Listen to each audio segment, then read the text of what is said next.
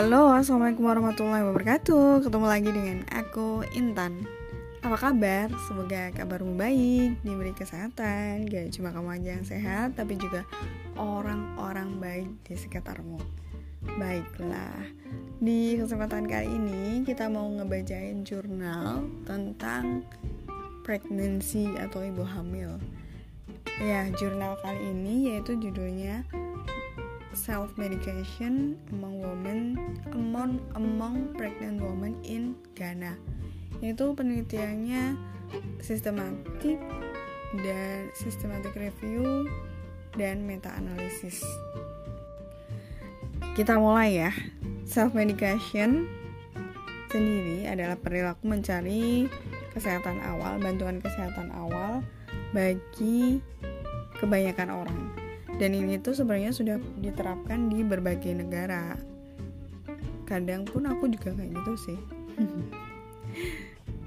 manfaat self medication adalah untuk mengurangi tekanan pada sistem kesehatan terus mengurangi waktu pasien dalam mencari bantuan kesehatan dan tentu saja mengurangi biaya tapi, jika tidak dipraktekkan dengan baik, akan terjadi pemborosan sumber daya medis dan komplikasi. Ada juga uh, yang terjadi komplikasi itu kayak mungkin bisa jadi um, antibiotik karena sering keseringan konsumsi antibiotik, jadi kan uh, kebal gitu bisa jadi. Self-medication in pregnant women is linked to fetal death, neonatal morbidity, and maternal death. Jadi penelitian ini tuh dilakukan di Ghana. Ghana adalah salah satu daerah di Afrika. Penelitian ini tuh nge-review beberapa jurnal dari 706 jurnal yang sudah di search yang sesuai dengan kriteria mereka diseleksi lagi menjadi 283 terus akhirnya jadi 16 dan terpilihlah 6 jurnal pada tahun 2015 sampai 2021 obat-obatan yang sering digunakan ibu hamil untuk mengobati diri sendiri ada 5 teratas. Aku bacakan 5 teratas.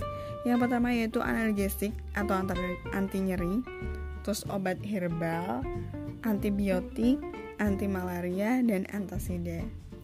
Penyakit-penyakit yang sering dirasakan ibu hamil ini ada sakit kepala, flu atau masuk angin, nyeri bagian bawah perut atau nyeri pinggang atau pokoknya nyeri-nyeri yang dialami ibu hamil, terus malaria, mual muntah. Alasannya kenapa melakukan self medication adalah karena bukan penyakit yang serius kayak gitu. Terus uh, karena pengalaman pada masa lampau. Jadi mungkin dulunya kayak minum obat A bisa manjur dan sembuh. Ini pas saat hamil minum obat A berarti nggak apa-apa dong. Kayak gitu kan. Dulu aku udah minum dan sembuh kayak gitu kan. Terus obatnya mudah didapatkan.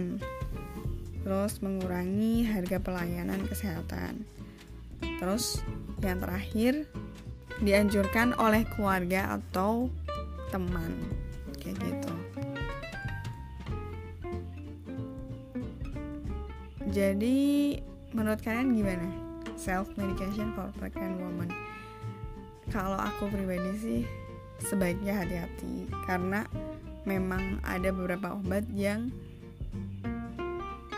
uh, tidak boleh diminum oleh ibu hamil kayak gitu begitu sih.